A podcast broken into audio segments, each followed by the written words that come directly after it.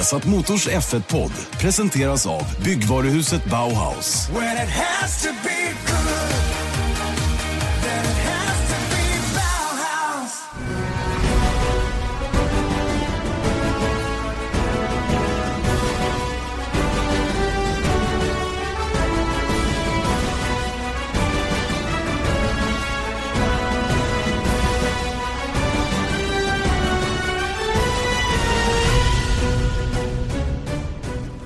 Ny vecka och ny Formel 1-podd. Vi har satt Motors Formel 1-podd med Janne Blomqvist och Erik Stenborg tillbaka. Och eh, den här gången, Erik, så ska vi eh, sammanfatta Rysslands Grand Prix givetvis. Då. Det senaste som kördes och som blev en eh, fantastisk finsk Victoria då, genom Valtteri Bottas som känns som att han på riktigt allvar nu har etablerat sig där uppe. Mm.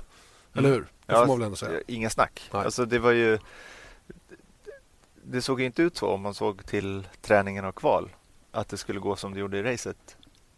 Verkligen inte. Nej.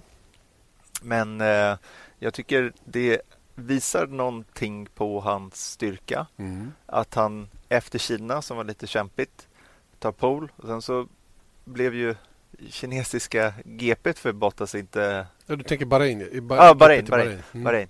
Det var ingen toppen eh, historia och sen så kommer han tillbaka och åtminstone slår Hamilton i kval igen, kommer mm. trea mm. i kvalet och sen så totaldominerar han ju faktiskt racet. Mm. Och alltså medans Hamilton, han var ju inte ens där. En liten parentes. Ja. Eh, så här är det i min värld. Jag ska inte påstå att det är så här eh, för alla, men i min värld så är det så att vem som helst av Ferrari och Mercedes som hade hamnat först efter första kurvan eller efter kurva två hade vunnit det där racet. Mm. Eh, jag påstår också att Lewis Hamilton hade gjort det exakt lika bra som Valtteri Bottas om han hade hamnat i den positionen. Han förlorade racet redan på lördagen tycker jag genom att kvala bäst fyra mm. och därmed ha väldigt svårt att vara först ner mot första sväng. Eh, Valtteri Bottas var ju snäppet före och eh, gjorde en bättre start än Ferrari-förarna. Så att, jag, jag, att Hamilton var så pass långt efter Valtteri Bottas och inom citat blev utklassad. Det beror mera på var han hamnade banpositionsmässigt. Han hade svårt att göra någonting åt situationen därifrån han var. Ja, men det var ju samtidigt hela, hela grejen runt Hamilton, vad han säger över radion och hur han uppförde sig på banan. Han kom ju alldeles nära. Nej. Han var ju liksom inte ens på väg att utmana nej. någon av Ferrari-förarna egentligen. Nej, nej. Och om man tittar då istället på Bottas, att han tar den här starten mm. starkt, mm. drar iväg. Mm. Sen kommer Safety Car och så drar han iväg igen mm. på samma sätt. Och det, var, det är ju liksom... Det är imponerande, ja. verkligen. Och det sa ju också Sebastian Vettel efter loppet att han var ju mest imponerad över Valtteri Bottas första stint. Mm. För den var riktigt, riktigt vass. Mm. Och han drog ifrån med fem sekunder och han gjorde precis det som Merca haft svårt att göra de tre första racen, nämligen att skapa luckan. Mm. Och vi pratade med Toto Wolf om det innan där i vår uppsnackstudio då, om just det här att behöva att, att kunna använda sig av bästa tänkbara strategi det kräver en viss lucka i samband med depåstoppen. För annars riskerar man att bli underskuren, om vi ska kalla det på svenska. och Åka dit på en undercut. Ja. Eh, och eh, det, det, det, löste de alldeles utmärkt, för de hade marginalen. så att säga. Och det är där jag tycker att Bottas styrka och storhet var. Men då har han också fördelen av att ligga längst fram inte påverkas av någon annan bil under första stinten. Och då, då kan man öppna en sån här lucka, speciellt på en sån här bana som, som i Sochi då, som är omöjlig att köra om på med dels de här bilarna och så som banan fungerar också. Den är, det, det blev ju inga omkörningar Nej. och det förklaras, förklaras främst genom hur banans layout ser ut. och, och då, då blir banposition oerhört viktigt. Absolut. Och Bottas drog nytta av det. Men det är där jag menar också att så här, Bottas har, han har ledit ett race tidigare eller kanske flera. Men han var, det var enorm press också i slutet. Så det var inte så här helt straight forward för honom heller. Att det var bara att han öppnade en fem sekunders lucka. Och man såg att han var pressad och man vet ju också vad folk har sagt att du vet, eh, vid mästerskapsavgörande till exempel eller deras första möjlighet till första vinst att man bara åker runt och lyssnar efter missljud och är livrädd att någonting ska gå fel. Mm. nu hade han ju tio varv eller ett helt race egentligen som han kunde åka runt och, och, eh, stressa upp och stressa upp sig mm. över sin situation. Dessutom kunde han, hade han en fyrfaldig eh, världsmästaren i en röd bil i mm. liksom backspeglarna i stort sett. Vilket gjorde att han var inte helt opressad heller när han bromsade på sig. Nej, han gjorde en, en liten, liten miss och det var ju den enda gången han gjorde egentligen ett misstag i racet då där, där det blev en sen inbromsning in i kurva 13 på relativt gamla däck och och Det satte lite extra press på honom givetvis. Och sen all den här trafiken som man ska hantera. Men samtidigt att åka med vetskapen att köra förbi. Köra ikapp är en sak, köra förbi något helt annat. En gammal klyscha mm. som man använder sig av många gånger och som vi använde oss av mycket förr. Eh, och nu när DRS inte heller är lika eh, har lika stor påverkan, för det har den inte i år då, då, då tror jag ändå att det var ganska lugnt för Bottas där längst fram oavsett det är klart att vi pumpade hårt på att Vettel gick i kapp och var på väg i kapp och det såg intressant ut på alla sätt och vis. Men jag kan samtidigt förstå de som inte tyckte det var så upplyftande som naturligtvis också har med sig i bakhuvudet och att, mm. att köra förbi. Ja visst. Det... Jo, men det handlar ju om att göra misstag också. Ja, det kan visst. ju komma ett sånt också, vilket han gjorde när han låste upp där. Ja. Men det är det jag menar att här, det är en sak att så här, rent faktiskt veta att så här, men här är det svårt. Vettel kommer få svårt att komma om mig. Mm. Men i Bottas skor så att säga längst fram och du vet äntligen få ta den där på hans segern på hans 81 race var det va? Ja det var det va? Mm. Så att jag menar då, jag tror ändå att han satt och, och var ganska uppjagad även om han är en lugn person och allting sånt där och hade kunde kontroll. Men det, menar, det är en sak att, att teoretiskt veta att det är svårt att komma om här men mm. du, vet, du måste sätta att alla hjulen rätt också. Ja. Precis. Och det var ju det som var den stora grejen den här, den här söndagen för Valtteri Bottas. Att, att ha nerverna under kontroll, göra jobbet, bara fokusera på sin egen insats, inte fundera på vad som händer bakom eller runt omkring leverera varvtiderna. Och då kommer vi in på vad det är som gör det här racet så himla bra. För jag tyckte nämligen att det var bra. Mm. Och eh, nu vill jag säga det att ja. när vi säger det, för jag tycker också att det var bra. Än en gång, om man ska ratea det. Nej, det är ingen, inget klassiskt race. Men det var intressant. Ja, man, av, av olika anledningar. Man, man, behöver bedöma det här racet utifrån prestationerna som ja. gjordes på banan. Och Det tycker jag många missar när man klagar på det. Mm. Visst, man satt inte hemma i soffan och, och liksom såg de här jul mot julfighterna och det var liksom ge och ta i alla dagar. Det var helt andra kvaliteter som spelade roll den här gången, nämligen att göra varvtiderna mm. och, och nästan till ligga och göra kvalvarv för att eh, liksom hålla liv i sin egen strategi eller vad det nu var. Det var ju uppenbart tidigt hur svårt det var att ligga nära en bil framför. Mm. Vi hörde Vettel när de kom upp i greenroom efter loppet säga att man, tappade, man kunde tappa upp mot två sekunder bakom en framförvarande bil. Och, och, Det säger ju allt om hur, hur svårt just den biten var. Och Då blev det helt andra saker. Då var man tvungen att lägga om planen. Skulle man ta sig uppåt och framåt genom fältet, ja då var det genom strategi. Mm. Genom att göra varven vid precis rätt tillfälle, att skapa skapa möjligheter att i samband med depåstoppet kunna hoppa någon förare. För mer än så skulle man inte klara. Och eh, Jag tycker det är ett lika ett lika stort race i det avseendet sett till prestationerna som förarna gör. Och jag menar, vår egen Marcus Eriksson gjorde ju precis en sån grej. En sån där eh, extraordinär grej kan jag tycka sett till förutsättningarna mot en bil som är lika snabb som hans egen. Nämligen mot Pascal Wehrlein då, i samband med de, de, deras andra depåstopp vilket det blev eftersom de var inne redan efter ett respektive två varv. Och, eh, och, där var det ju ett fantastiskt invarv som tog honom förbi Pascal Wehrlein. Sen var ju den fighten avgjord. Sen mm. var det ingen snack. Nej. Och Wehrlein eh, skulle jag gissa backade av också lite på slutet. Därav blev det så stor lucka som det blev. Men jag hörde också att det var lite, lite trötta armar och lite mm. överkropp som var lite matt efteråt också. Så att, eh, mm. Men, men det, det, är ju såna, såna grejer måste man ju också värdera en sån här gång, tycker jag, när man tittar på ett race. Ja, men, och det är där jag menar att vad gör ett, ett eh, F1 Grand Prix bra eller respektive dåligt? Och det är där jag tänker också att det finns ju massa saker att ta, ta med sig ifrån Ryssland, även om man inte satt på nålar. Liksom. Det gjorde jag faktiskt inte någon gång, inte ens liksom under de där tio varven för att man vet med sig att det här kommer nog bli rätt tufft, men man vet aldrig vad som händer. Men sett till då det här stora perspektivet att dels så hade vi Bottas där framme. Hade det varit Hamilton så hade jag kanske hade liksom betyget sänkts lite också. Mm. Bara för att det är Man kul vet. att se en ny förare där uppe och dessutom så här, vad har det här för implikationer på VM. Är han med nu i eh, VM-fighten kanske efter det här? Mm. För att det är ju sådana här grejer som, som plockar upp eh, jag menar, en, en VM-fight. Att nu tar han 25 poäng och sen så är han lite mera med kanske. Och det gör det ju mer spännande i sig också. Eh, sen så har vi ju allt det här med att pusha varvtider, det har man inte sett heller. Jag tycker att det var ett annorlunda race mm. i form av, av, det också. Man såg att okay, det kommer inga omkörningar. Men det var kul att se förarna liksom pusha. Mm, verkligen. För det är ju det som också i de här alla fanservice och sånt där har efterfrågats. Att se förare försöka sätta varvtider. Och sen så är det klart att det blir roligare om det är också åtminstone tio eh, omkörningar. Mm. Så är det ju. Ja, Men samtidigt så var det så att jag skulle, jag skulle inte för mitt liv kunna sätta en trea på Rysslands GP.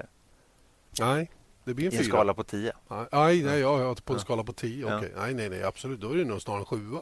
Ja, ah, sexa skulle jag säga. Ja. Faktiskt. Fine, strax över godkänt då. Men, men uh, jag tycker det är orättvist att bara såga racet som ett tråkigt lopp bara mm. för att det såg ut som det gjorde. Då har man ju, tycker jag, och lite förvånande är det ju när det kommer från folk som man uppfattar ändå har koll på racing, att man inte förstår det. Ja. Så att säga. Va? Att, eh, för alla har ju upplevt den här typen av racing och speciellt om man har varit på banan någon gång i tiden. Att så här kan det bli ibland för mm. att banor ser ut som de gör. Mm. Och Då får man försöka hitta på andra sätt att, att, lösa uppgiften på. så att säga. Och Det var det som jag tyckte var, det var fränt just med Rysslands Grand Prix. Det är lite som, som en, en det, det, var en riktigt bra 0-0 match mm. i fotboll. Mm. Att det var båda lagen försökte göra mål, men det gick inte riktigt Nej. hela vägen fram. det var några riktigt snygga, snygga räddningar. Också. Exakt. exakt. Ja, nej, jag är helt enig med dig där, Erik. faktiskt. Och um, som sagt, jag tycker det blir lite så här, lite orättvist att kapa ja, och det. I ärlighetens namn, jag säger inte här för att vi jobbar för Viasat som säljer F1 och ska skapa intresse. Men jag tycker så här på riktigt. Nej. Jag gör det. Har man de uppfattningen om, om vad vi pratar om, då känner man inte oss två. Ja. Nej, Nej, faktiskt inte. Exakt. Eh, Okej, okay, det om detta. Vi får väl se. Diskussionerna kanske kommer att gå runt eh, här och där om vad som är ett bra race och vad som inte är ett bra race och vad man är ute efter. Men jag tror också samtidigt att man ska passa sig för att ha orimliga krav.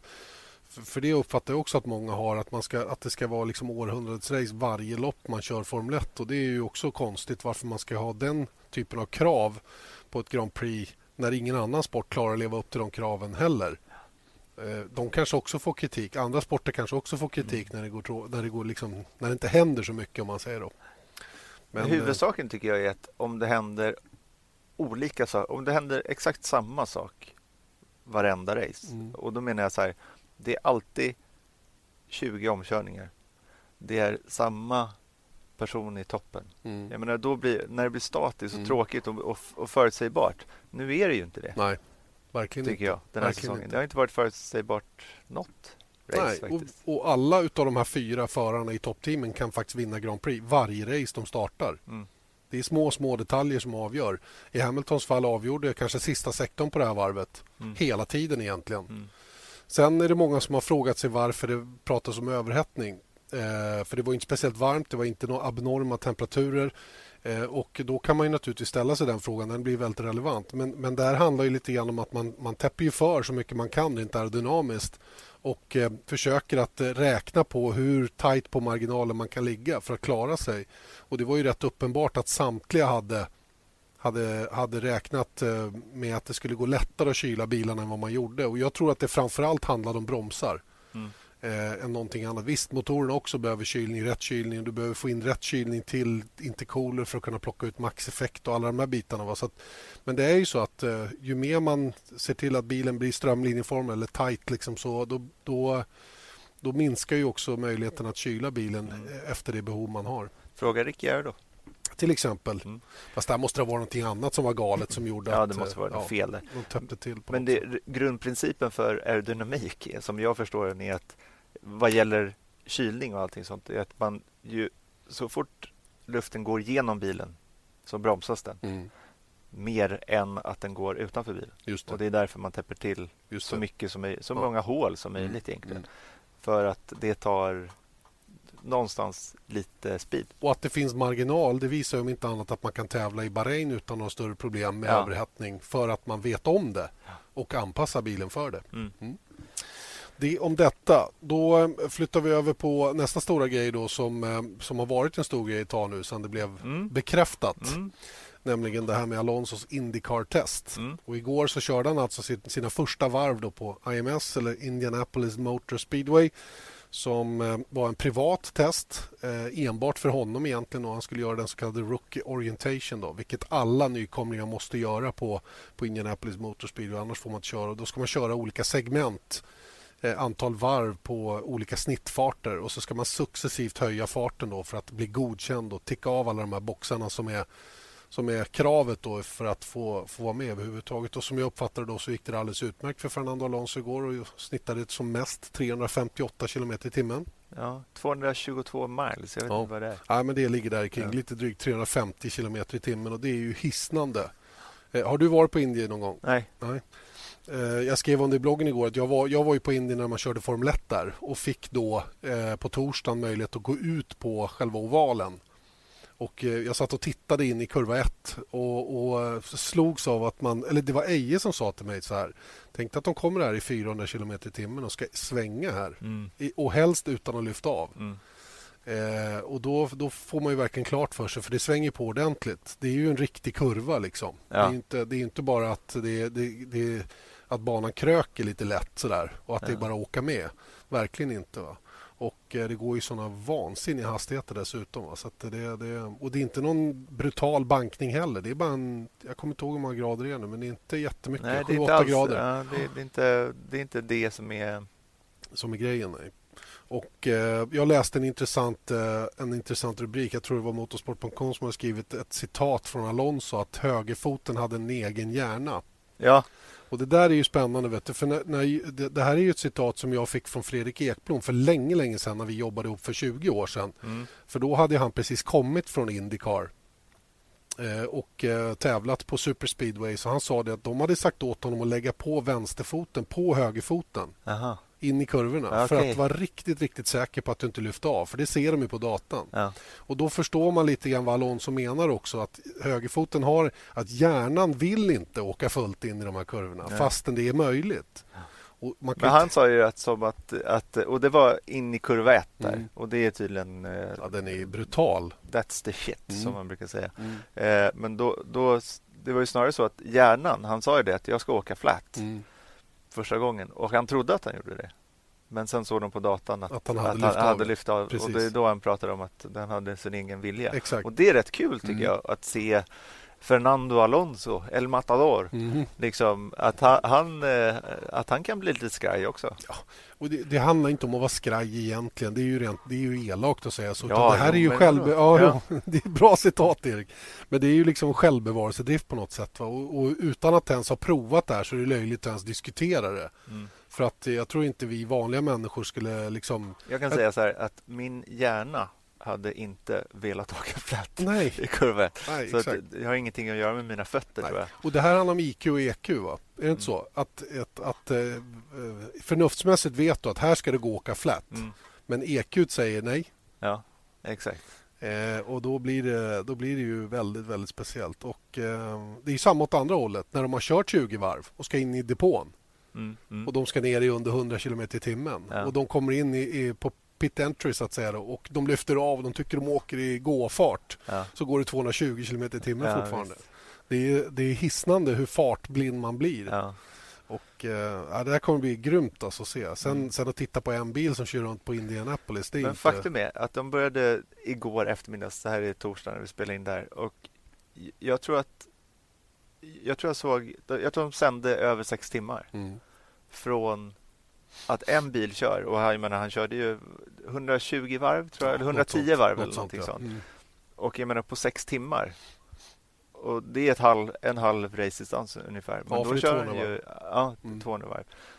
Eh, och då åker han liksom in, han kör fem varv och in. Och, men jag tycker att det var så sjukt bra tv. Mm. Så att jag, jag tror att jag såg av de där sex och en halv timmarna såg jag i alla fall fem mm. kontinuerligt.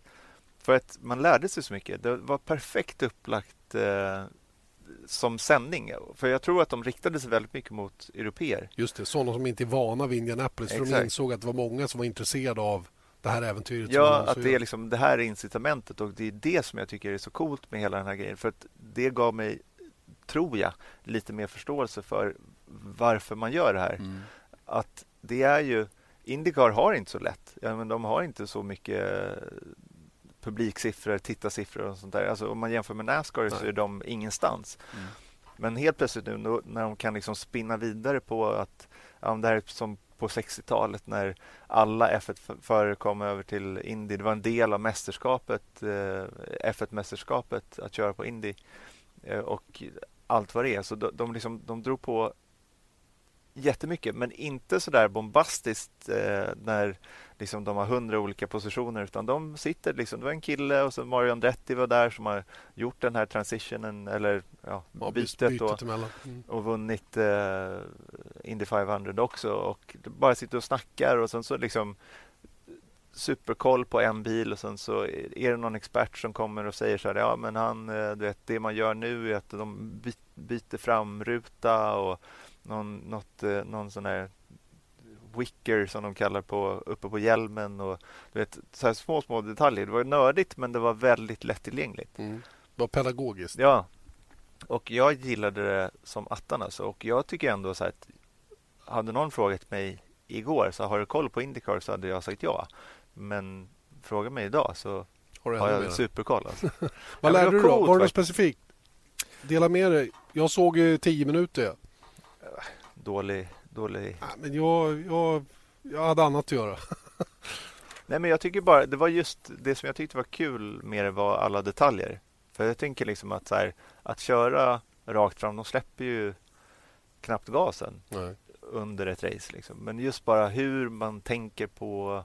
Vet, sen ska det in tre bilar i den där kurva 1 också i, i bredd och, och hur man tänker runt eh, strategi runt ett sånt här race och alla förberedelser. Att man förstår liksom att hela månaden maj handlar ju om, om Indianapolis i slutet i slutändan. Och det, det, jag vet inte, jag, jag, fick bara en så här positiv känsla av Indycar och en positiv känsla av Indy 500. Mm. Och det ju, var ju hela syftet, tror jag, för Indycar, Honda, Andretti Motorsport och eh, Alonso och McLaren, McLaren. alla. alla för att göra det här. Så det är därför de drar på. Jag menar, de sänder live på Facebook, de sänder live på Youtube och det sågs på, jag kollade nu att jag tror att det var 1,1 miljoner tittare på Youtube för att se en bil åka 110 varv ganska långsamt. Mm. Alltså i jämförelse med... I, rela ska, i relativt ja. sett. Mm. Och när du pratar om maj månad så är det så att den 12 maj så kör de ju det här road course-loppet. Då, för man mm. börjar liksom Indy-månaden med att köra det här racet på den gamla Formel 1-banan. Fast åt andra hållet. Nej, de har bara byggt om eh, byggt om den banan så den ser inte alls likadan ut. Nej, okay. Eh, ja, jag vet att de gjorde, de har gjort en chikan istället för att åka genom eh, det som är kurva 1 fast åt andra hållet. Mm. Men nu tror jag att de åker på någon annan kurva. Okay. De, är uppe på bankingen mm, mm. någonstans. Då. Det kostar 30 dollar right. att gå. Ja. Det är lite billigare än F1. Det kan man säga. Ja. Sen efter den 12 så börjar ju själva förberedelserna inför mm. med practice den 15 maj. Sen kör man eh, den 20 där kring så kör man två time, time trials, eller vad man ska mm. kalla det då. Det är massa som heter så vet, Carb Day. Ja, Carb Day. Det är sista Day. dagen. Ja. Carb Days, det, det, är sista dagen så att säga innan man, innan man börjar kvala bilarna. Då. Mm.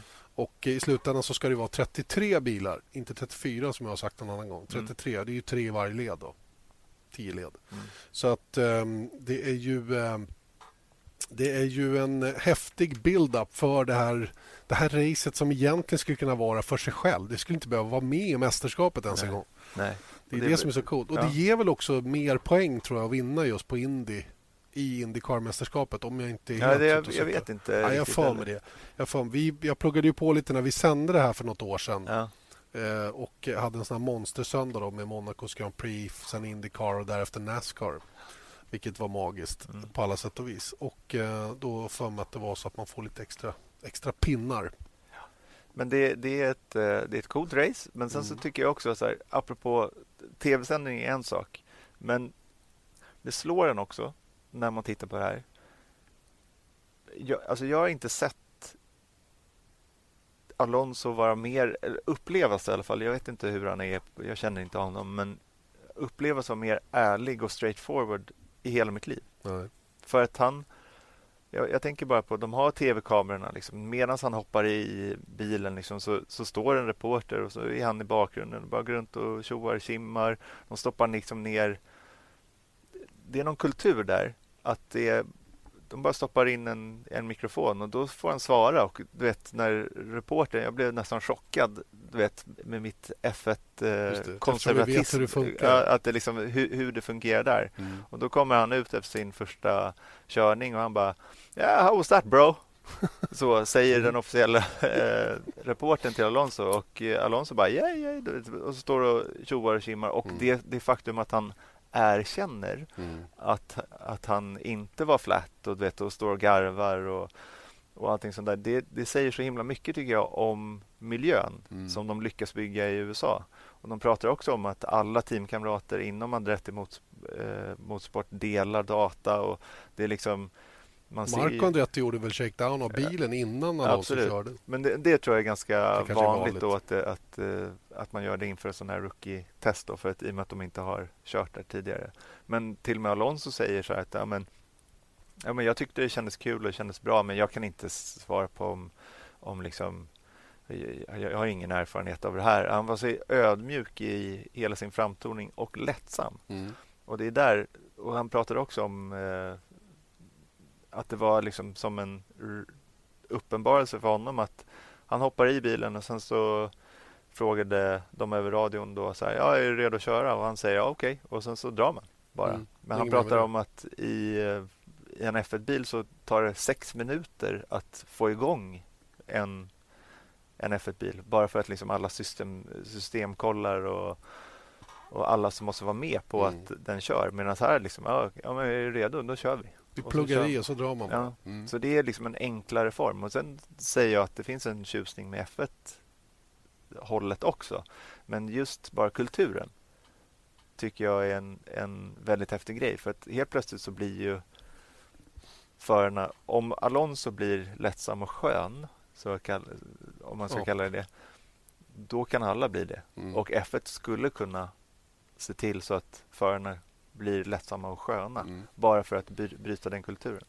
Intressant, väldigt intressant. Vi satt en, EU och jag satt en god stund med Jacques Villeneuve och pratade med honom och han är ju ganska, är ganska tjurig mm. rent allmänt eh, numera. Tycker mycket och är ofta kritisk och, och lite gnällig kan jag tycka. Va? Ja. Eh, och eh, när vi satt där och pratade så, så kom vi in på just det här med lättillgängligheten och, och jämförde till exempel USA med Formel 1 och hur det funkar i, i den världen så att säga och menar på att Bernie har gjort det här väldigt bra. För att om man börjar ge folk vad de vill ha, då vill mm. de till slut inte ha det. Nej, okay. Och han drog ju eh, obehagliga paralleller med, med Ja, jag går inte in på det. Jag går inte in på det. Utan, och, och, lite har han ju rätt i det. Om man, om, man ska, om man ska vara lite allvarlig och titta på det så blir det ju så att så fort att du inte får, då vill du. Mm. Eller hur? Mm, mm. Det är lite så. Va? Och den, den balansgången är svår att hitta.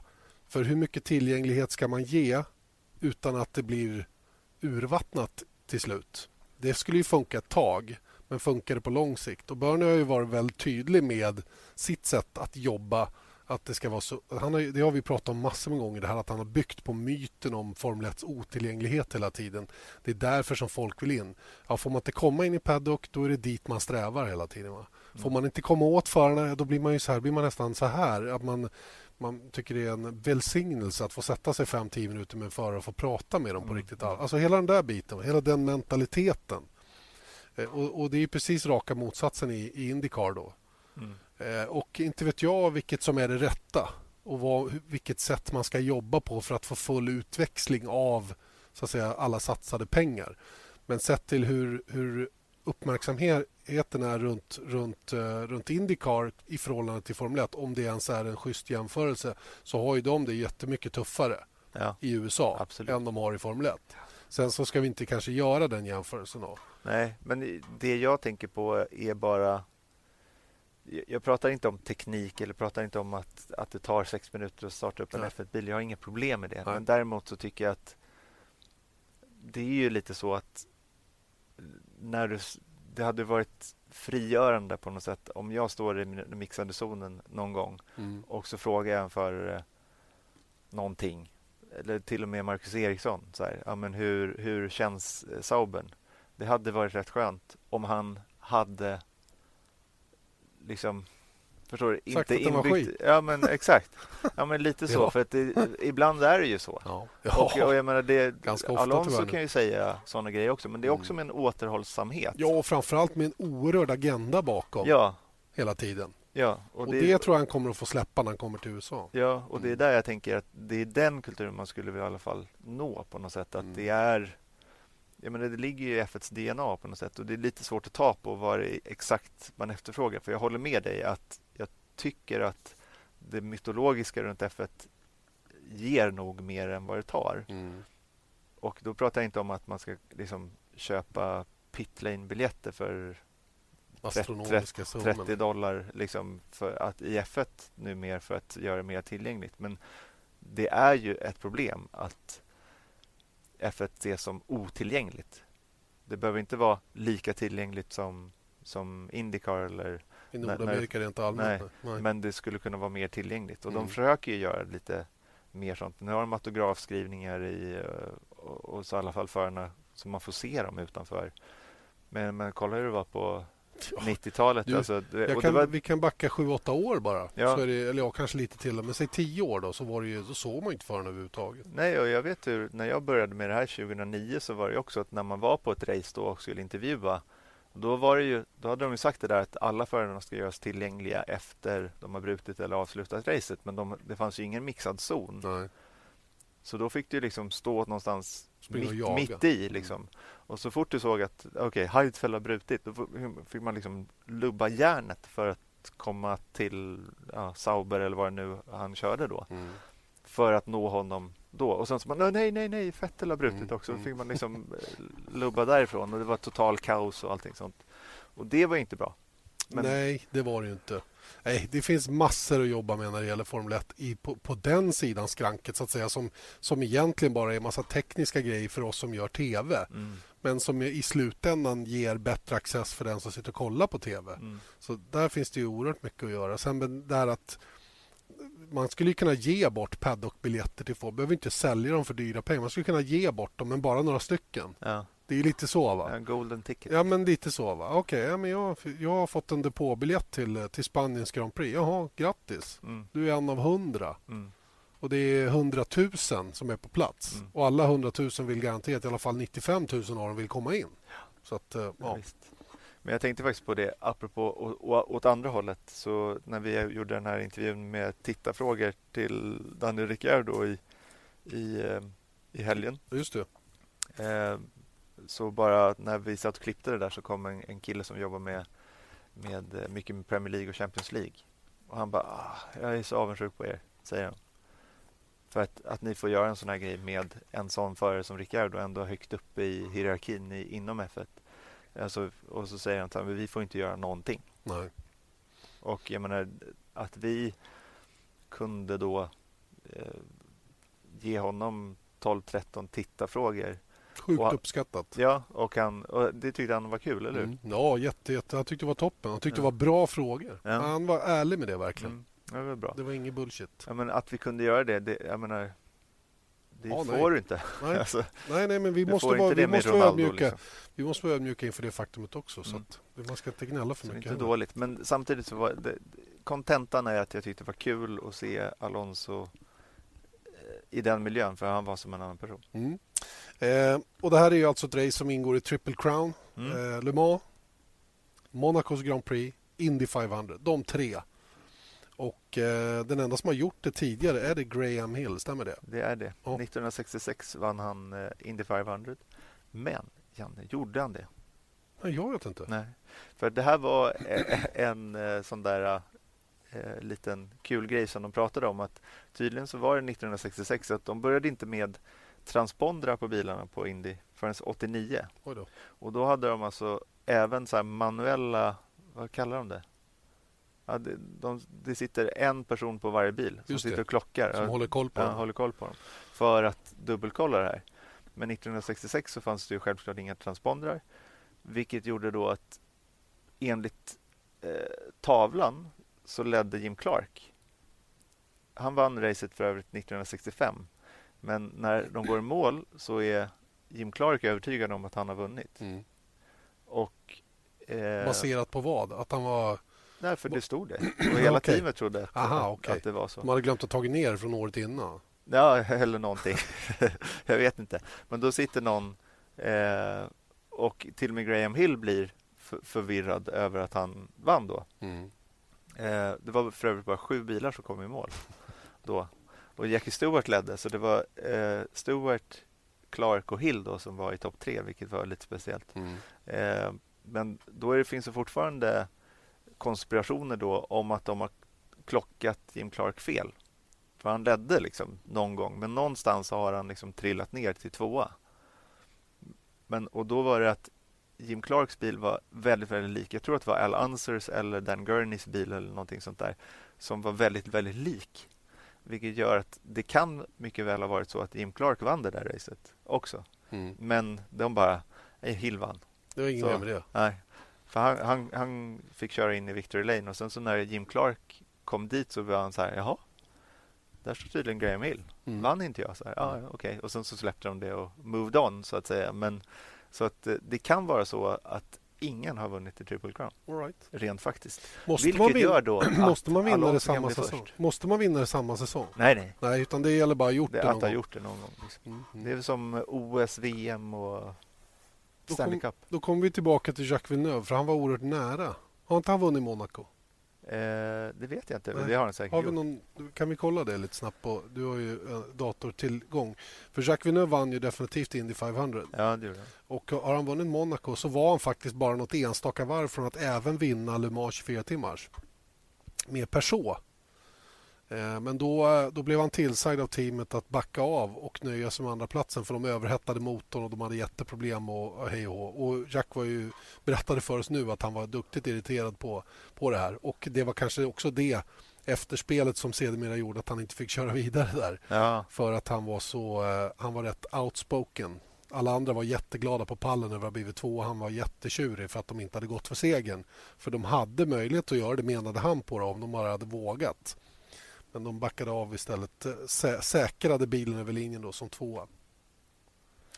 Och eh, Vi kommer alldeles strax få reda på huruvida Jacques Villeneuve har vunnit Monaco också. Jag är inte säker på det. men han... Det som är roligt när man bläddrar vad, han, vad Jacques Villeneuve har kört mm. Så är det rätt mycket va? Det är nog helt jäkla ja, enormt. Han, och det, han, det, är också när han sitter med oss och pratar. Han sa att jag lever för att köra.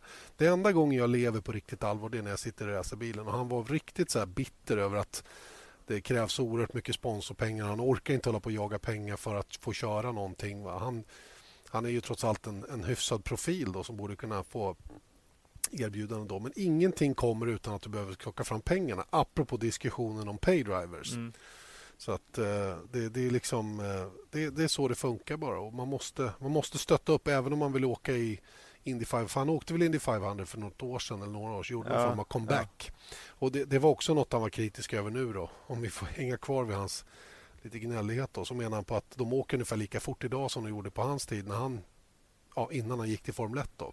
Han menar på att de har för mycket grepp i förhållande till effekt i motorn. Ja. Och att det inte är... Det, det, bilarna går lite för mycket på räls menar han på. Då. Ja, ja det här var... Det här var svårt. Ja, men du vet när man hamnar fel på Google, då ja, är det vet, inte... Det är, det är, inte så enkelt.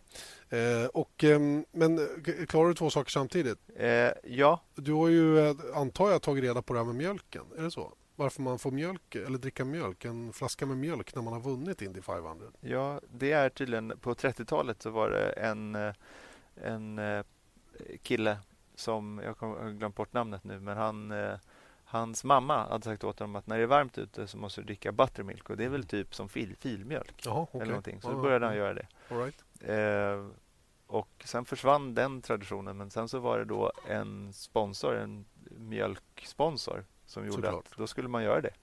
Och, eh, och sen dess har man gjort det och även idag så får man om man dricker mjölken efter eh, eh har vunnit Indy 500 då får du 10 000 dollar mm. i bonus från The American mjölken. Dairy Foundation eller någonting sånt där.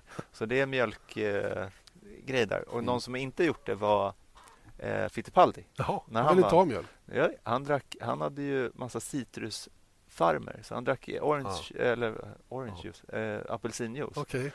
Eh, och, men då var det AJ Foyt tror jag som hade eh, var teamägare vid den tiden. Så han bara, du, du, må, du, måste dricka mjölken. Liksom. Och då hade de tagit en liten eh, klunk. Liksom. Mm. Och sen så hade de buat eh, på honom vid nästa race när han ställde upp eh, racet efter Indy 500 för att alla amerikaner var tokiga på att han, han var han så el, elak och inte hade... Han dissade mjölken.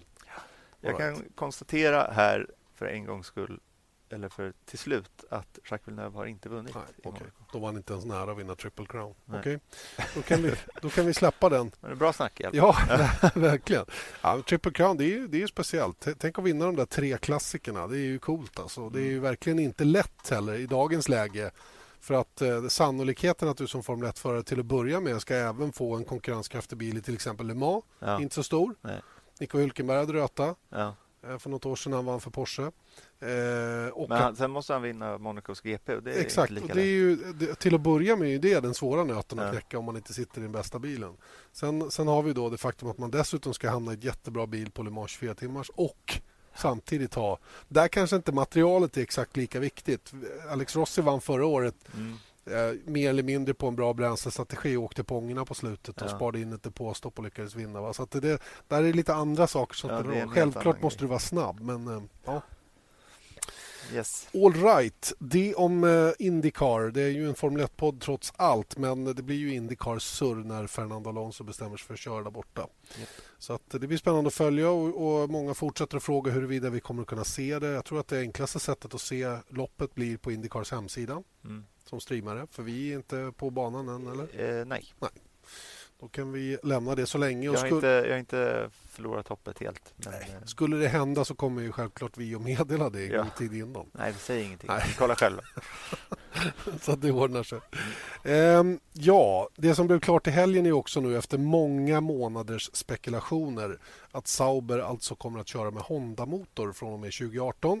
Mm. Och eh, lite kryptiskt så verkar det som att det är ett flerårskontrakt i alla fall. Nej, det är klart att det är det. A long term agreement sa ju Monica Kaltenborn till mig när jag pratade med henne. Den intervjun finns för övrigt på viasasport.se. Eh, och eh, det är för mig, precis som Eje sa i sändningen, minst tre år. Mm. Kanske mer. Mm. Och eh, Sen är det ju svårt att veta eh, vad det betyder rent ekonomiskt för Sauber. Det är det ingen som vill avslöja huruvida man köper dem för dyra pengar eller får dem eller kanske till och med får betalt för att hjälpa Honda mm, mm. att eh, få lite ordning på saker och ting då, genom att bli ett andra team man kan samla data ifrån. Om de nu får 100 miljoner dollar så tycker jag att de kan väl sticka till några, några miljoner till Sauber. Tycker, tycker jag. Tycker jag. Det är väl inte mer än rätt? Nej, verkligen inte. Så att eh, vi, vi, det, det, det, får vi nog leva i, i ovisshet runt omkring. Sen är det ju den här vanliga frågan då som kommer alla som, som blir helt så här matta och tänker att fan är de dumma i huvudet? Mm. Som tar Honda-motor. Eh, teamets säm, eller fältets sämsta bil får fältets sämsta motor. Kan det bli sämre? Förmodligen inte. Mm. Inte som det ser ut idag. Men eh, det är också som jag uttryckte det i sändningen i söndags att det är ganska långt till 2018 än så länge. Och det är klart att det finns information som Sauber har huruvida Honda får viktig hjälp för att få ordning på den här motorn eller inte som de har haft med sig i den här beslutsprocessen. Det är jag helt övertygad om. Mm. Absolut. Men samt så kan man ju se det som så här att nu, hade de, nu har de en fjolårs Ferrari-motorn som inte var konkurrenskraftig ens förra året inte på samma nivå som, som årets är i förhållande nej, till Mercedes. Nej, och inte förhållande, äh, absolut mm. i förhållande till mm. Mercedes. Mm. Och då har vi ju det här året är ju riktigt bra. Mm. Ferrari-motorn alltså. Mm. Och nu är de inne på fjärde året va? Tredje. Tredje året. 15, 16, 17. 15, 16, nej, alltså Ferrari. Jaha, ja, ja. ja. Så de är inne på fjärde året. Så mm. nästa år blir femte mm. året Ferrari-motor. Den kommer antagligen inte vara sämre än i år. Nej. Säkerligen några procent bättre. Ja. Och första två åren så höll ju Honda på från 15 och 16 med det här Size Zero. Att mm. den skulle vara ett helt annat koncept. Mm. Och Det var liksom det som skulle ge att när de fick det där att funka så skulle allting vara mm. toppen. Liksom. Eh, dels i att den var, men framförallt att den var liten och eh, lätt att förpacka så att säga. Nu har de inte det konceptet längre. De har fortfarande svårt att få den att fungera. Det kommer de säkert att få. Mm. Jag tror det. Mm. Eh, någon gång under året så kommer de ju liksom klivit på. Men då har de ju sitt andra år på det här motorkonceptet medan de andra är på sitt femte. Mm. Så att jag tänker så här att rent logiskt så det vi kan förvänta oss av Honda 2018 är inte fältets bästa motor. Nej, nej, nej, nej. Utan det är i bästa fall då en stabil motor. Ja, som inte är allt för långt efter hästkraftsmässigt men Riktigt. som framförallt håller. Ja, förhoppningsvis. Mm. Och det är väl så som jag ser det, best case scenario. Ja. Precis. Samtidigt kan det ju vara små, små detaljer som gör att det bara hoppar igång. Mm. Och eh, vänliga människor som har kunskap om hur den här motorn funkar på min blogg har berättat för mig att det här handlar om det här med förtändningen. Mm. Eh, man har ju sån här förtändning av bränslet i cylinderkammaren då, där, där redan innan gnistan kommer så att säga blir smäll. Och eh, att det här då, om man inte får ordning på det här så blir det väldiga vibrationer. Och Det har vi hört talas om att det är det de har haft problem med under försäsongen. Att motorn vibrerar sönder kort och gott. Mm. Och att det här får stora konsekvenser då för till exempel ERS-systemet som inte håller ihop. Det här är långt, långt, långt över min kompetensnivå så jag ska överhuvudtaget inte... inte nej, du har bra koll.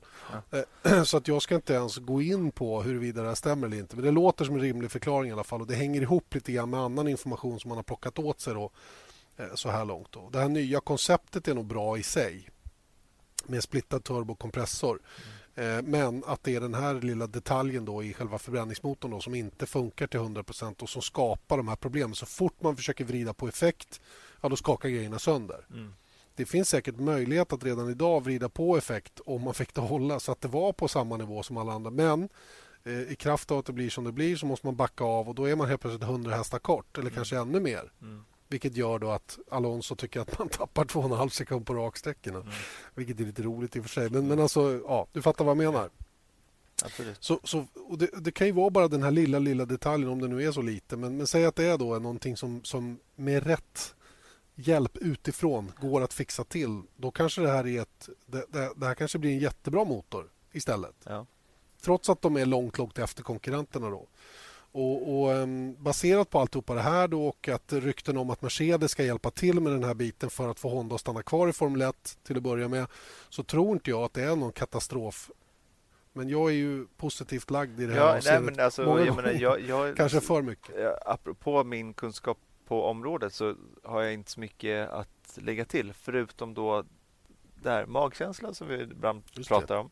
Bra, bra. Och då är det just att jag hade på något sätt att hade man sett de första två åren när de hade det här andra konceptet som mm. skulle vara så bra. Mm. Liksom, varför kan jag inte svara på heller. Men att det skulle vara... Liksom, det var ju för att motorn var tajt ja, att bygga ihop. Någon form av revolution skulle ha nytta av det. Eh, som gjorde att så här, det är det här vi måste... Så som Alonso uttryckte det, att det är det här vi behöver för att kunna vinna mm. eh, ett, eh, en VM-titel. Mm.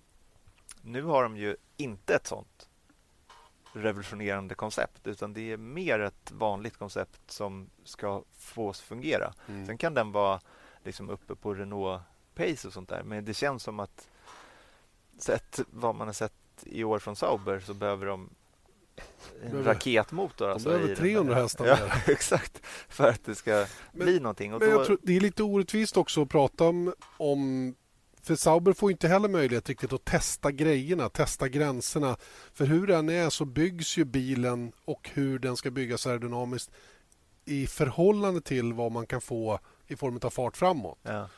Och, och, det är ju sådana saker kan ju också spela en väldigt avgörande roll och det är också sånt som håller tillbaka McLaren naturligtvis. Att de aldrig får testa gränserna för Nej. bilen de byggt. Och lite samma läge hamnar även Sauber i då. Merca och Ferrari de ligger ju där framme och, mm. och får siffrorna att stämma så att säga. Va? Mm. Så det kan ju, vara, det kan ju också vara grejer som, som självklart spelar stor roll. Då. Och, eh, eh, jag tror även att på, på, frågan om McLaren kommer att fortsätta köra Honda för det går ju också en massa vilda rykten om att de skulle släppa Honda nu och ta Mercedes. Jag tror inte det. Jag tror de kommer att fortsätta med Honda. Det är för, det är för stora investeringar gjorda i hela den här satsningen för att, att släppa det i det här läget. Mm. Det tror, tror åtminstone jag. Mm. Ja, och det, och det var någonting som kom ut under helgen att de hade lagt fram någonting datamässigt, eller vet, de måste ju anmäla saker och ting långt innan att det var, fanns jag vet inte ens vad jag pratar om här, men på något sätt så fanns en indikation sett i allmänningsprocessen mot FOM mot 18 mm. att eh, Honda var med där. På Just det, sätt. för det är före den 6 maj så måste de ha anmält vilken motor de ska använda. Ja. Eller motortillverkaren måste anmäla vilka team de kommer att leverera Exakt, till. de har inte anmält men Nej. det fanns någonting i något papper någonstans ja, som ja. någon hade sett. Oh, ja. Bra snack. Igen. Jättebra. ja, men det är ju, här, hur ska vi kunna vara detaljerade runt såna här grejer? Det är ju alldeles för svåra grejer tekniskt att prata om. Vi kan ju bara, och här får jag kliva över på din sida och gå på magkänsla. Jag har inget annat att luta mig mot heller. Nej. Jag önskar jag vore motortekniker och kunde allt, alla detaljer som finns runt omkring det. Och man kanske är korkad som ens pratar om det men det är ju ett intressant diskussionsämne i alla fall. Mm. Att, eh, att det är på det här viset och att Sauber nu tar det här beslutet att köra med Honda från och med 2018 och jag är helt övertygad om att det sitter inga dumskallar och tar beslutet att köpa Honda-motorer baserat på vad de ser idag. Nej. Eller hur? Nej. Så korkad är nog ingen. Nej. Och jag tror inte ens att de var tvingade till Ja, det är klart att det kan det. Det finns ju inga garantier för någonting. Och kunde man garantera saker då vore det väl väldigt mycket enklare i livet. Mm. Om man kunde veta exakt vad som skulle hända. Mm. Ibland måste man våga chansa lite grann och hoppas på att man läser av. Jag menar, varför tror du McLaren tog Honda från första början? Ja. Det var ju för att de, de uppfattar det som att det här kommer att bli ett lyckat samarbete. Mm. Nu har det inte blivit det, snarare tvärtom. Mm. Och det är ju liksom sånt i livet ibland. Du är så vis. Eller hur? Jag är sjukt klok. Jag börjar nästan få tårar i ögonen. Så är det. Man kan inte garantera någonting, hörni.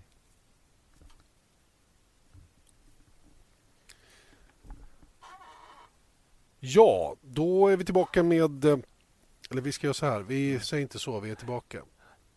Hörni, ska vi prata lite lyssnarfråga kanske? Det är ja. lite kul. Lyssnarfrågan som ni alltid skickar in till F1-podden via hashtaggen F1-podden. Och den hashtaggen funkar även på Facebook. Många frågar om man måste ha Twitter. Det behöver man inte. Nej. Den funkar även i Facebook och på andra sätt. Man kan fråga på min blogg. Man kan säkert mejla till oss också mm. om man vill det. Ring upp om du har Jannes nummer. Exakt. Eller mitt. Eller mitt. Eller ditt menar. Ja, hur som helst. Eh, veckans lyssnarfråga. Tyvärr har vi inte fått tag i person i fråga som har ställt frågan. Nej. Vi brukar ju vilja höra den så att säga från personen i fråga själv. Hette han? Du, vet du, vad, jag tror att han är från Västerås. Måste vara det va? Ja, han heter Gurkakungen. Gurka, Gurkakungen, det är På självklart. Twitter alltså. det, måste, det måste vara en, en västeråsare då. Ja, måste vara det. Mm. måste vara det. Så, hur ställer han frågan? Vem blir näste svensk i Formel 1? Ja, tack så du ja, Svara på den. Jag går på toalett. Jag tror inte att jag kan svara på det, för att jag vet inte. Nej, låt oss spekulera. Ja, vi börjar i den änden istället. Och eh, ärligt talat så är det ju, tror jag, ganska långt bort innan vi har någon ny svensk i Formel 1. Sett till vad som krävs mm. för att ta sig till Formel 1. Mm. Eh, och eh, Visst, det finns kandidater. Det finns framförallt en kandidat just nu som, som, som rent fartmässigt presterar på en nivå där han sett till vad andra förare gör som kommer till Formel 1 har presterat genom karriären som, som borde vara aktuell. Mm. Och det är Joel Eriksson. Mm. Så, som jag ser mm. det. Många pratar ju om Felix Rosenqvist men där tror jag tyvärr att tåget har gått lite grann. Han är född 1991 och är fyller 26 i år i november. Och Visst, han är långt ifrån lastgammal, verkligen inte. Men skulle han vara aktuell för Formel 1 då skulle han ha testat Formel 1 redan och mm. liksom varit på tapeten på ett annat sätt. Nu förvaltar han sin karriär oerhört bra ändå. Åker Formula E och Superformula och allt vad han nu gör. Och kommer hem till Sverige och kör Porsche Carrera Cup i helgen till ja, exempel. Också. Och det där tycker jag är lite så här, om vi tar ett litet stickspår, att jag tycker han verkar ha väldigt roligt. Mm. Alltså roligt, han får köra hur mycket som helst. Ja men han växlar ju ut, han får ju massor ut av sin karriär så som det är idag. Mm. På det sättet, på den, med den filosofin han använder mm. för att ta sig framåt. Mm. Och jag tycker det är, det är coolt med honom. Mm. För, eh, för han är inte bang för någonting. Nej. Många gånger har man ju rätt mycket att förlora också genom att komma hem och... Ja, köra Legends-bilar på ja, Eller, eller liksom. kanske komma hem och bli fyra i Carrera Cup mm. när man är på den nivån som han är. Mm. Så, men då, då tänker man ett steg längre och blir lite för politisk. Det mm. tror jag inte man ska vara. Man han måste våga chansa. Mattias Ekström-grej, att så här, köra så mycket som möjligt, det är det man blir bra mm. på. Mm. Och det tycker jag, jag tycker det är coolt. Men jag håller med dig att jag tror att det, det var lite sådär vibbar när han var i DTM. Mm. Att det kändes som att den här kopplingen till Mercedes som man haft under lång tid och den vet jag inte. Den, den finns, väl kvar den liksom, finns i, genom eh, även genom Mahindra ja. Formel E och sånt där. Jag tror det i alla fall. Eh, men eh, det är just det där att då fick jag lite sådär, ja men det kanske kan bli någonting att han ska köra eh, simulator eller vet, och kanske få ett test eller någonting mm. sånt där. Men, men eftersom det inte blivit av, av olika anledningar som inte vi kan svara på så känns det som att han är inte längre aktuell för F1. Nej. För att sättet han skulle komma in i F1, och det var det du var inne på, mm. är att en fabrikant ska stå för kulorna. Till exempel Mercedes och göra som Ocon och Wehrlein har, Just har gjort för dem. Och i och med att de står före i kön så, att säga, så, så känns det som att... Ja. Och ja. nu har de en ny junior ja. som jag inte kommer ihåg namnet på bara för det. Roll... George ja. Russell? George Russell tror jag. Så kanske han heter. Så att eh, de, de fyller ju på bakifrån. Det kommer hela tiden nya talanger. Mm. Och de är unga, yngre och liksom... Ja, men då, då, det är en helt annan situation de är i. Absolut. Och, och, när det gäller Joel Eriksson då så är han oerhört framgångsrik. Tävlar för Motorpark just nu i Formel 3. De kör med folkvagnsmotorer, va? Mm, så? Mm. Vilket betyder då att han inte har en fabrikant som är kopplad till Formel 1 på det sättet. Dessutom har han ju varit, eller är väl fortfarande BMW junior, tror jag blev uttagen till det för något år sedan och har funnits. Han körde i BMWs DTM-taxi något år och, och liksom var nära lierad. Och, och det, därför så känns det troligare att han kanske väljer det spåret så småningom. Då, att det blir den typen av körning. Men det, det vet inte jag. Nej. Och Det kanske dyker upp någon välgörare som vill finansiera hans karriär framöver som gör att möjligheten att ta sig till Formel 1 kommer att finnas. Ja, Men, med tanke på de resultaten han gör i sitt andra år i F3 mm jag menar, redan första han året efter. mästerskapet. Ja, det, det, är ju helt otroligt. Förra året bästa rookie och i år leder han då efter ja, tre. Och vann vissa nyckelrace förra året också mm. i F3. Så han, det är inget snack om att han har bra talang. Sen så är det ju den där grejen nu då att man... Eh,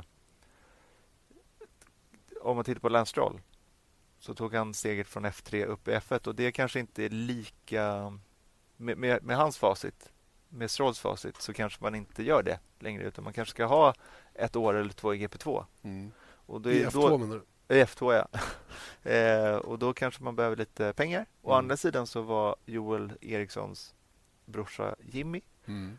eh, körde lite i GP2 också. Det gick inte det speciellt bra då med Arden och av olika anledningar det också. Men det kanske finns någonting där som gör att han kan ta det klivet upp. Mm. Kanske till 2018. Och när vi pratar Formel 2 så kanske en, en pojke blir lite sur på oss för att vi inte nämner honom, då, Gustav Malja. Mm. Och varför jag inte nämner Gustav Malja före Joel Eriksson det är för att Gustav inte har haft de här resultaten innan han kom upp i Formel 2 som Joel Eriksson haft. Nej. Han, eh, han kom egentligen från Renault 2-liter och klev rakt upp i World Series där han eh, visserligen var snabb på tester och gjorde en hyfsad säsong och sen året därpå då tog klivet upp i GP2 förra säsongen efter några inhopp året innan. Och sen då kör han nu sitt andra år eh, och numera då i Formel 2 tillsammans med Racing Engineering. Tyvärr en ganska svag första helg som det blev då. Eh, så som formatet i Formel 2 eller GP2 var och är så är det ju svårt att reparera när det går tungt i ett kval till exempel. Då är man hopplöst avhängd en hel helg. Men det, det, det här med att jämföra förare rakt av är ju oerhört svårt. Mm. Men jämföra ska vi inte göra utan vi, om vi bara tittar på sannolikheten oh. så tror jag ändå att här, av sättet man ser vad Gustav Malja har så har han en, en solid backning i mm. ryggen mm. I, i, någon form. Jag vet inte så mycket om detaljerna runt den. Men han är inne på sitt, sin andra fulla säsong i F2. Och jag menar, kommer resultaten då tror jag att det finns alla möjligheter att eventuellt ta, ta steget upp för Absolut. i första hand ett test mm. eller vad det nu kan tänkas mm. vara. Men, eh, men eh, eh, så att jag skulle snarare än Joel säga Gustav Malja. Men det bygger på att han gör resultat, resultat ja. mm. som, som kan försvaras i Formel 1. Just det. Sen har vi ytterligare en duktig formelförare just nu då, som jag vet att Rickard Rydell håller väldigt högt just nu som tävlar i Formel 4 det är Linus Lundqvist. Kör full säsong i eh, brittiska. brittiska mästerskapet. Ja. Där för övrigt också Hampus Eriksson är med och kör. Hampus som dock inte kör full säsong. Han kör eh, utvalda tävlingar i ett litet sidomästerskap men som kör ihop då för att få upp större griddar i Formel 4 där borta. Och, eh, jag menar, Hampus skulle också kunna vara en sån som på sikt... Mm. Han är ju mer eller mindre med och, och ser och lär Ja, han är väldigt 14 ung, år gammal. Exakt. Så han, är, han är inte nästa svenska Formel 1, Nej. antagligen. Alltså, sett till vad vi är idag. Det blir ju, ju, längre ner på stegen desto svårare är det ju att se det. Och Det är mm. där jag baserar på Gustav Malja. Att jag tror att så länge han kommer med hyggliga resultat eller helst till och med riktigt bra resultat så, så kan det mycket väl hända någonting. Mm. Eh, Formel 2 som för övrigt kör nästa helg i Barcelona, yep. sin andra tävlingshelg. Och vi håller onekligen tummarna för Gustav där som gjorde en väldigt bra helg i Barcelona förra året. Mm, och ett väldigt bra försäsongstest. Japp. Så att eh, det finns, eh, det finns alla anledningar att se fram emot detta och hoppas att han kan gå hela vägen. Eh, apropå Hampus Eriksson, du vet den här olyckan med Billy Monger ja, ja. som inträffade så var det ju Hampus Eriksson som låg före Billy. Som han väja undan precis när Billy Monger körde rakt in i bilen som stod still på banan. Wow, det så det var små, små marginaler att, att Hampus hade råkat illa ut i den här kraschen också. Det var, jag fick beskrivet för mig detaljer som jag egentligen inte ska dela med mig av för de var fruktansvärda. Ja. Över hur den här Billy Monger satt fast i bilen i två timmar innan de fick isär bilarna ja. och kunde ta honom i bilen. Ja. Hur man fick söva honom i bilen för att kunna ta honom därifrån till slut mm. efter väldigt, väldigt lång tid. Mm. Och ruggiga, ruggiga grejer. Riktigt, riktigt tråkigt. Men ja. eh, där har ju motorsportvärlden gått ihop och sett till att han åtminstone har goda förutsättningar att kunna rehabilitera sig på ett bra sätt. Och trots att de var tvungna att amputera nedre delen av båda benen. Ja, verkligen. Mm. Hemskt. Så är det med det. Och när vi nu har pratat förare då, nästa svensk i Formel 1 så leder det oss in på vårt härliga grannland som eh, gillar att strö salt i såren på oss hela tiden. Ja, Mika Salo.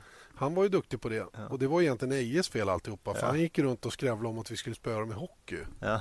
Och så spelades någon träningsmatch då på söndagen. Mm. Eh, och eh, det var ju... En förturnering. Ja, det blev ju torsk där också. Mm. Samtidigt som Bottas gick och vann sitt första race. Ja, och Marcus kom 15. 15 ja. ja. Mm. Så det är bra. Då kommer Mika Salo fram i vårt avslutande F1-magasin där på söndagen och eh, hånade oh, med all rätt, er. Faktiskt.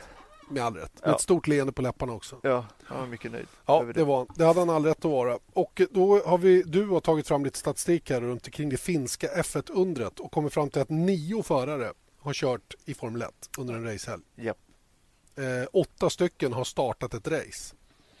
Och eh, De flesta namnen känns ju igen men det är ett par stycken på den här listan som man inte känner igen som inte jag hade riktigt koll på. Leo Kinnunen i och för sig har jag hört förut. Mm. Att Mikko Kozarowicki körde det hade jag mindre koll på. Ja. Däremot Där har du en story om, Ja, om jag känner ju hans son ja. Nikolaj Kozarowicki som, eh, som var väldigt, väldigt god vän med Eje och Keke Rosbergs gamla teamchef i USA, Fred Opert. Jag tror till och med han bodde hemma hos Fred under utbildningen i, på amerikansk college och sådana saker när han var ung. och hela den biten. Och Nikolaj bor kvar i USA och jobbar i USA. han, är amerikan. han är amerikan numera. Eh, har väl holländsk mamma, tror jag. Eh, jag tror det. Mikko var gift med en holländska som... Ja, så, och då blev Nikolaj resultatet av den relationen, ja. så att säga.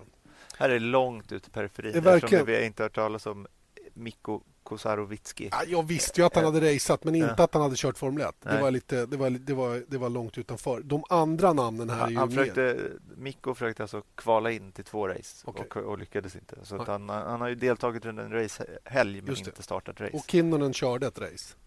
Ja, typ. Han. Var, han, han, åtminstone ett. Okay. Cool. De andra finländarna är då givetvis eh, Kimi Räikkönen och Valtteri Bottas, eh, numera aktiva. Eh, Keke Rosberg, världsmästare. JJ Lehto, som man inte hör så mycket om numera. Nej. Som bland annat körde för... Eh, nej, inte Nej. numera. eh, han var ju med om en otäck båtolycka då, som, som blev lite gurgel runt omkring. Då. Han var ju tv-expert för, för finska MTV3 mm. under en period. Eh, JJ som körde bland annat för Benetton, körde för Sauber eh, under sin karriär. Mika Häkkinen förstås, Mika Salo som vi nämnde som var oerhört nära att vinna ett Grand Prix till och med. Mm. Och sen Heikki Kovalainen då, en av fem finländare utav de här tio som faktiskt också har vunnit race. Mm. Det är ju helt otroligt. Så fem av åtta som startat har vunnit race mm. och tre har vunnit VM. alltså per capita så är det någonting Oslagbart skulle ja, jag säga. Det går inte. Nej. Jag menar, vad har de i Finland? Fem, fem miljoner? Fem, fem och en halv miljoner ja. invånare ungefär. Och eh, i, på andra sidan Sverige då så har vi haft tio som kört Mm. Tio förare som kört, två som vunnit race, inga VM. Nej. Så det är ganska jämnt där, men vi är dubbelt så många och eh, allt vad det är. Men då, då, och Finland också. Dubbelt efter... så många, hälften så bra. Ja, verkligen. Typ. Inte dubbelt så många, vi har haft ä, två till. Då. Jag men, tänkte mer invånare. Ja, exakt. Finland har haft före Formel 1 kontinuerligt sedan 1989. Mm. Det gör ju lite skillnad också. Ja, det gör det. Självklart. Och, och det är många som haft eh, som har kommit med förklaringar till det här och att de har haft en bättre infrastruktur när det gäller att matcha finska förare framåt. Och att de, så fort att de har lagt av har de hjälpt till. Mm. De har ju faktiskt en halv till, om vi räknar Nico Rosberg. Som eh, har finsk pappa då. Men han har ju tävlat under tysk licens under hela sin karriär. Så ja. att, eh, han räknas inte med i den här listan i alla fall. Och har även vunnit VM då. Så mm. egentligen är Exakt, så det är egentligen nio som har startat. Och se, och, och, sex som sex har vunnit race och, och fyra VM-titlar. Det blir värre och värre. Usch, det är jättejobbigt där. Nej, men det, är, det är fantastiskt måste jag säga.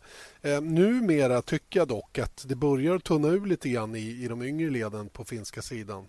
Eh, Niko Karo, Kari tror han heter, som kör i GP3 i år. Eh, Red, Bulls, Red Bull backad finns ju eh, någonstans. Det var ju ett antal duktiga finländare som var med och tävlade typ upp på GP3-nivå. Mm. Arvainio bland annat då, som tror jag gjorde comeback i någon GT-bil senaste helgen. Ja. Eh, och, och, så, va? så det har funnits lite gubbar va? men det har varit det är ju egentligen bara Bottas här på slutet då, som har tagit det sista klivet så att säga upp i Formel 1. Då. Och det har ju han gjort tack vare bra backning ekonomiskt hemifrån Finland, Viuri och Kempi har väl varit med också ja. lagt in och det talades om att han puttade in uppemot 7 miljoner euro i Williams när han var där. Mm. Har haft eh, Didier Coton som var Mika Häkkinens manager och Mika bakom sig men också haft Toto Wolf yes. i sitt management-team. Och jag menar med sådana förutsättningar då har man ju goda, för, då har man goda möjligheter att ta sig hela vägen. Och nu sitter han ju i fältets bästa eller näst bästa bil mm. och har dessutom vunnit Grand Prix. Mm. Ja, det, men det är ju det att de som kommer in på något sätt har varit uteslutande på toppnivå. Om man tittar på Räikkönen, Bottas, Kovalainen till viss del Salo också, men han har ju varit lite mera...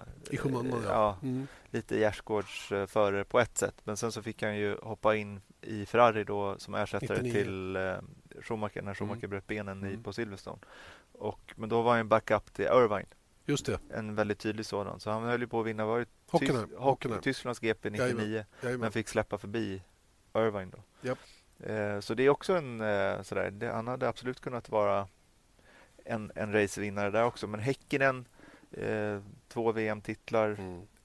en av kanske de mest ansedda förarna i Formel 1 fortfarande. Så att jag menar, det är väldigt, väldigt hög nivå på dem. Och jag menar, om tittar, jag menar, vi hade ju eh, Lillövs då fram till, till 91. Och han, var, han körde också på hög nivå. Han körde faktiskt för McLaren och Ferrari och allt vad det är. Men det lossnade liksom Timingen inte. var fel. Exakt. det var inte under det, de två teamens storhetsperioder. Nej. Så att, eh, och, och det var kanske därför han fick chansen också. Ja, sannolikt är det ju på det viset. Va? Och timing är ju oerhört viktigt för att få chansen att visa hur bra man är. Mm.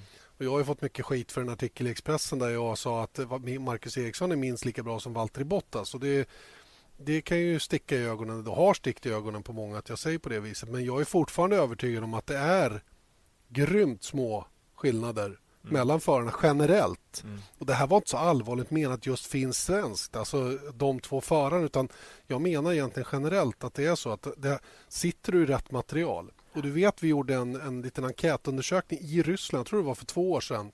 När vi frågade en massa duktiga folk som har bra koll. Och De var inne på att både Felipe Naser och Marcus Eriksson som körde i Sauber då, båda två skulle göra jättefina resultat om de hamnade i en Mercedes. Ja. Om de sen var av material så att de kunde vinna VM, det var däremot många mer osäkra över. Ja. Men att komma i en Mercedes och vinna race och ta pole position, det var alla helt övertygade om att de skulle klara. Mm. Och, och, Det är lite sånt som jag baserar det på. Va? För det är inte... Det är ju inte... Det är inte kanske mer än någon enstaka tiondel i, i likvärdigt material som skiljer. Så, så små marginaler är det. Mm. Och visst, sen, sen är det ju bara att sitta på rätt ställe vid rätt tillfälle som sen avgör. Och Det är kanske lite desillusionerande att det är på det här viset. Mm. Men hur det än är så gäller det, det är ju vissa som sticker ut. Vettel har vunnit fyra VM-titlar i bästa bilen många gånger. Och, men han har gjort det. Ja. det. Han har ju haft förare som har haft samma förutsättningar mm. och som inte har gjort det mm. i, i, liksom intill sig. Samma i Lewis Hamilton. Det, är liksom, det gäller att göra det när man får chansen och det är det som skiljer, tror jag. Ja. Stora förare från, lite, ja, från bra förare. Och det är ju det som är svårt också, att när man liksom... Det är ganska ledsamt att tänka sig om man tittar på det som en, en svensk F1-fans eh, synvinkel, vilket jag är. Att man har eh, Ericsson då i Caterham. Sen så 2015 i Sauber, det var ju ett, ett okej okay år. Ett, ett okay år. Mm. Eh, jag menar, Nasser tog 27 poäng det mm, året. Mm. Och det var ju också, det var ju lite stolpe ut för, för Marcus. Och mm. sen så, jag menar förra året var ingalunda bra. Och i år ser det ut att vara... Ungefär samma. Ja, Ganska fast dåligt. nästan ja, värre. Nästan värre. Ja. För det finns ingen att ha bakom sig längre. Nej, nej. Så att på så sätt så... Ja, det är en helt annan diskussion, men det, det är... Eh, jag har fortfarande... Med den kunskapen jag har om Formel 1 så vet jag att också att Marcus Ericsson är en riktigt bra förare. Men det är den här grejen också som vi pratar om att man vet inte hur någon och det var ju det som var osäkerheten runt Bottas inför det här året också. Jajamän. Skulle han få smäll på fingrarna jämt eller mm. skulle han göra det han gör nu? Mm.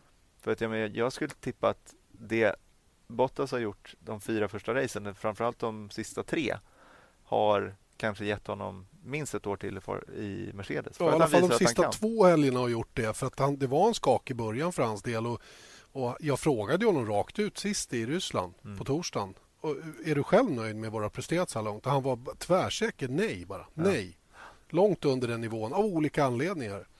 Eh, så har det inte varit på den nivån där han trodde eller där han vet att han har kapacitet att vara. Mm. Och Det tycker jag talar sitt tydliga språk också, att det är mm. på det viset. Sen var det ju, det är ju otroligt starkt att efter Kina-missen komma upp och ta pole i Bahrain. Sen att inte det lyckades i Bahrain hade sina anledningar. Inte bara det med däcktryck, men mycket därför. Eh, och sen eh, nu senast då eh, få stryka Ferrari i kvalet men sen ta starten och vinna racet på ett mycket, mycket övertygande sätt. Mm. Och det, det, det, är det där. Jag tror också att så här, jag menar, man har sett det rent historiskt sett också. Om man tittar på Damon Hill. Liksom. Mm. Än en gång, jag läste hans bok eh, nyligen och då, då, jag menar, hans resultat innan F1 har ju varit... Jag, jag blev liksom även när han beskriver det så blir man lite förvånad över att det kunde gå till så att han fick en styrning i Williams. Sen så hade det en massa andra. Han var testförare där och gjorde bra ifrån sig så de kunde ju utvärdera honom positivt eh, sett då också. Men, men han hade liksom inte resultaten förrän han hamnar i i rätt material. I rätt material. Och då har han helt plötsligt eh, VM-chanser. Mm. Så att jag menar, min poäng är att bortse från Eriksson om man vill. Men eh, idag så finns det ingen, inget frågetecken om kapaciteten hos någon förare i F1. Skulle jag säga. Nej, jag menar, förut så fanns det liksom sån här Alex Jong mm, och, mm. Och, och, och, den typen av förare, men det gör inte det. Nej. Mång, många, många utanför Sverige uppfattar att det är så. Ja. Till exempel med Marcus. Ja. Att, eh, att han är en Alex Jong, så att säga. Men det, det, det, kan inte vara mer fel, tycker jag. Nej, och jag menar, det spelar ingen roll hur man ser på det, men han hade inte fått vara kvar i F1. Han, inte, han hade inte kört sitt fjärde år i år om han inte hade levererat bra resultat. Och bra resultat i förhållande till i, vad han kör. Ja, exakt. Mm. Och så är det bara, för att så är den här sporten. Mm. Den sorterar ut. Sen kan du, du kan komma in, men gör du bort dig och inte kan liksom påvisa omständigheter som gör det, då är du inte kvar i fonden. Då är du rökt. Så enkelt är det. Vi har hållit på jättelänge nu. Ja, Kul va? Otroligt roligt. Det återstår bara en sak. Ja. Vår fantastiska tippning. Mm. Och Det känns ju sådär den här helgen. Ja, Gick båda. ju in med högt uh, självförtroende och med liksom en liten, liten men tydlig ledning. Mm. Men nu har det gått käpprätt åt skogen här. Men eh, å andra sidan gick det inte vidare för dig heller. Nej, vi fick båda noll poäng här ja. eh, den här gången. Men jag tycker, och jag kan förklara varför, men jag tycker att jag vann den här omgången ändå, även om jag inte fick några poäng. Det var som att så här, jag kom 11 och du kom 12. Ja, exakt. utanför poängplats, men mm. ändå. För jag tog eh, Bottas i, i, eh, eh, i pole. Mm. Han kom trea, men han slog Hamilton. Och det är här jag tänker på att Just det. Det, här, ja. det var här jag vann. Det är en halv poäng. Hamilton tog jag som vinnare och det, det, det var ju... Det blev fel. Det var inte alls bra. Nej. Eh, Van Dorn eh, kom i mål. Just. På 14 plats. Eh, istället eh, så var det faktiskt Grosjean och, och Palmer som var första DNF. Mm. Tillsammans. Exakt. Jag ska berätta en lite rolig historia om det där sen. Ja. Eh, mitt tips var ju då Hamilton i pole, Hamilton vinnare och Wehrlein som skulle bryta. Mm. Jag hade ingen rimlig förklaring till varför just Wehrlein skulle bryta. Jag bara försökte att, att liksom komma med någon form av analys där, mm. men den var ju mm. åt skogen. Och att Hamilton inte lyckades, det blev ju väldigt smärtsamt ja. i mitt tips. Alltså, ditt tips är ju sämre. helt klart sämre, alltså, ja, ja. måste jag säga. Ingen tvekan. Men du, att, du får en eh, ny chans i Spanien. Ja. Underbart. Inga, underbart. inga konstigheter. Du, du, du, kan, du kan fortfarande hämta upp det här. Jag leder i alla fall. Ja, 4-3. Ja, underbart. 4-3. Jag fick nästan en extra poäng sist också. Ja. Men vi, vi lämnar den. Angående Grosjean Palmer så var ju som sagt Mika Salo domare då senast. Och eh, det, var, det, var, lite roligt när han berättade hur båda förarna hade kommit upp då och skyllde på varandra om vem som var vållande i den här ja. historien. Och, eh, alla, eller ja, båda ville försöka göra, påvisa då att den andra hade gjort si och den andra hade gjort så. Hej och, och Grosjean tyckte att Palmer svängde in på honom och Palmer menar ju på att du kan inte komma där på insidan för jag hade en bil på utsidan och kunde inte hålla undan. Jag kunde inte ge det mer för då hade jag kört in i en Sauber som var av Airline tror jag. Ja. Så att eh, hur det än var då och eh, Salo bara, de hade bara sagt åt dem att sticka ifrån. Ni, det, det, blir inget, varken åt ena eller andra. Gå härifrån bara, gnäll inte. Nej. Det händer. Shit, gå. Så de, ville, var... de ville liksom eh, sätta dit den andra? Ja, men lite så, lite så. Och framförallt påvisa att de själva inte hade gjort något fel. Mm. Det, var, det var poängen. Men det blev ju en racingincident av alltihop. Racerförarmentalitet. Så är det. Okej, okay. det var Formel 1-podden den här veckan. En och en kvart ser jag att vi har hållit på. Det är ganska långt ja. det. det. Tiden går fort när man har kul. Så är det. Och i helgen kan ni kolla på MotoGP om ni vill. Just det, ifrån Jerez. Jerez är det, Det är Europapremiär, ja. Yep. Det var mitt första race. Jag såg något sånt där minne på Facebook för mm. sju år sedan. Då var jag på Jerez och såg MotoGP on-site. Visst var det bra? Ja, det var kul. Jättekul. Det är ju en eh, fantastisk underhållning där. Så att missa inte det. Och sen är vi tillbaka med en ny Formel 1-podd nästa vecka. Då är det uppsnack inför Spaniens Grand Prix. Då är det uppdaterings-VM en masse. Yes. Då ska det bli spännande att se vilka stora skillnader det kommer att vara på bilarna och vem som åker fortare och sådana mm. saker. Och eh, på fredag ska du träffa Mark Webber. Ja, det ska jag. Som ni får se i Spanien också. Mm, mm. Det är spännande. Och lite annat. Just så är det. Förhoppningsvis en racevinnare som intervjuobjekt. Just det. Vi får se. Vi hoppas på det. Vi säger så länge tack och påtrörande. Hörs om en vecka igen. Janne Blomqvist och Erik Stenborg. Vesat Motors F1-podd presenterades av byggvaruhuset Bauhaus.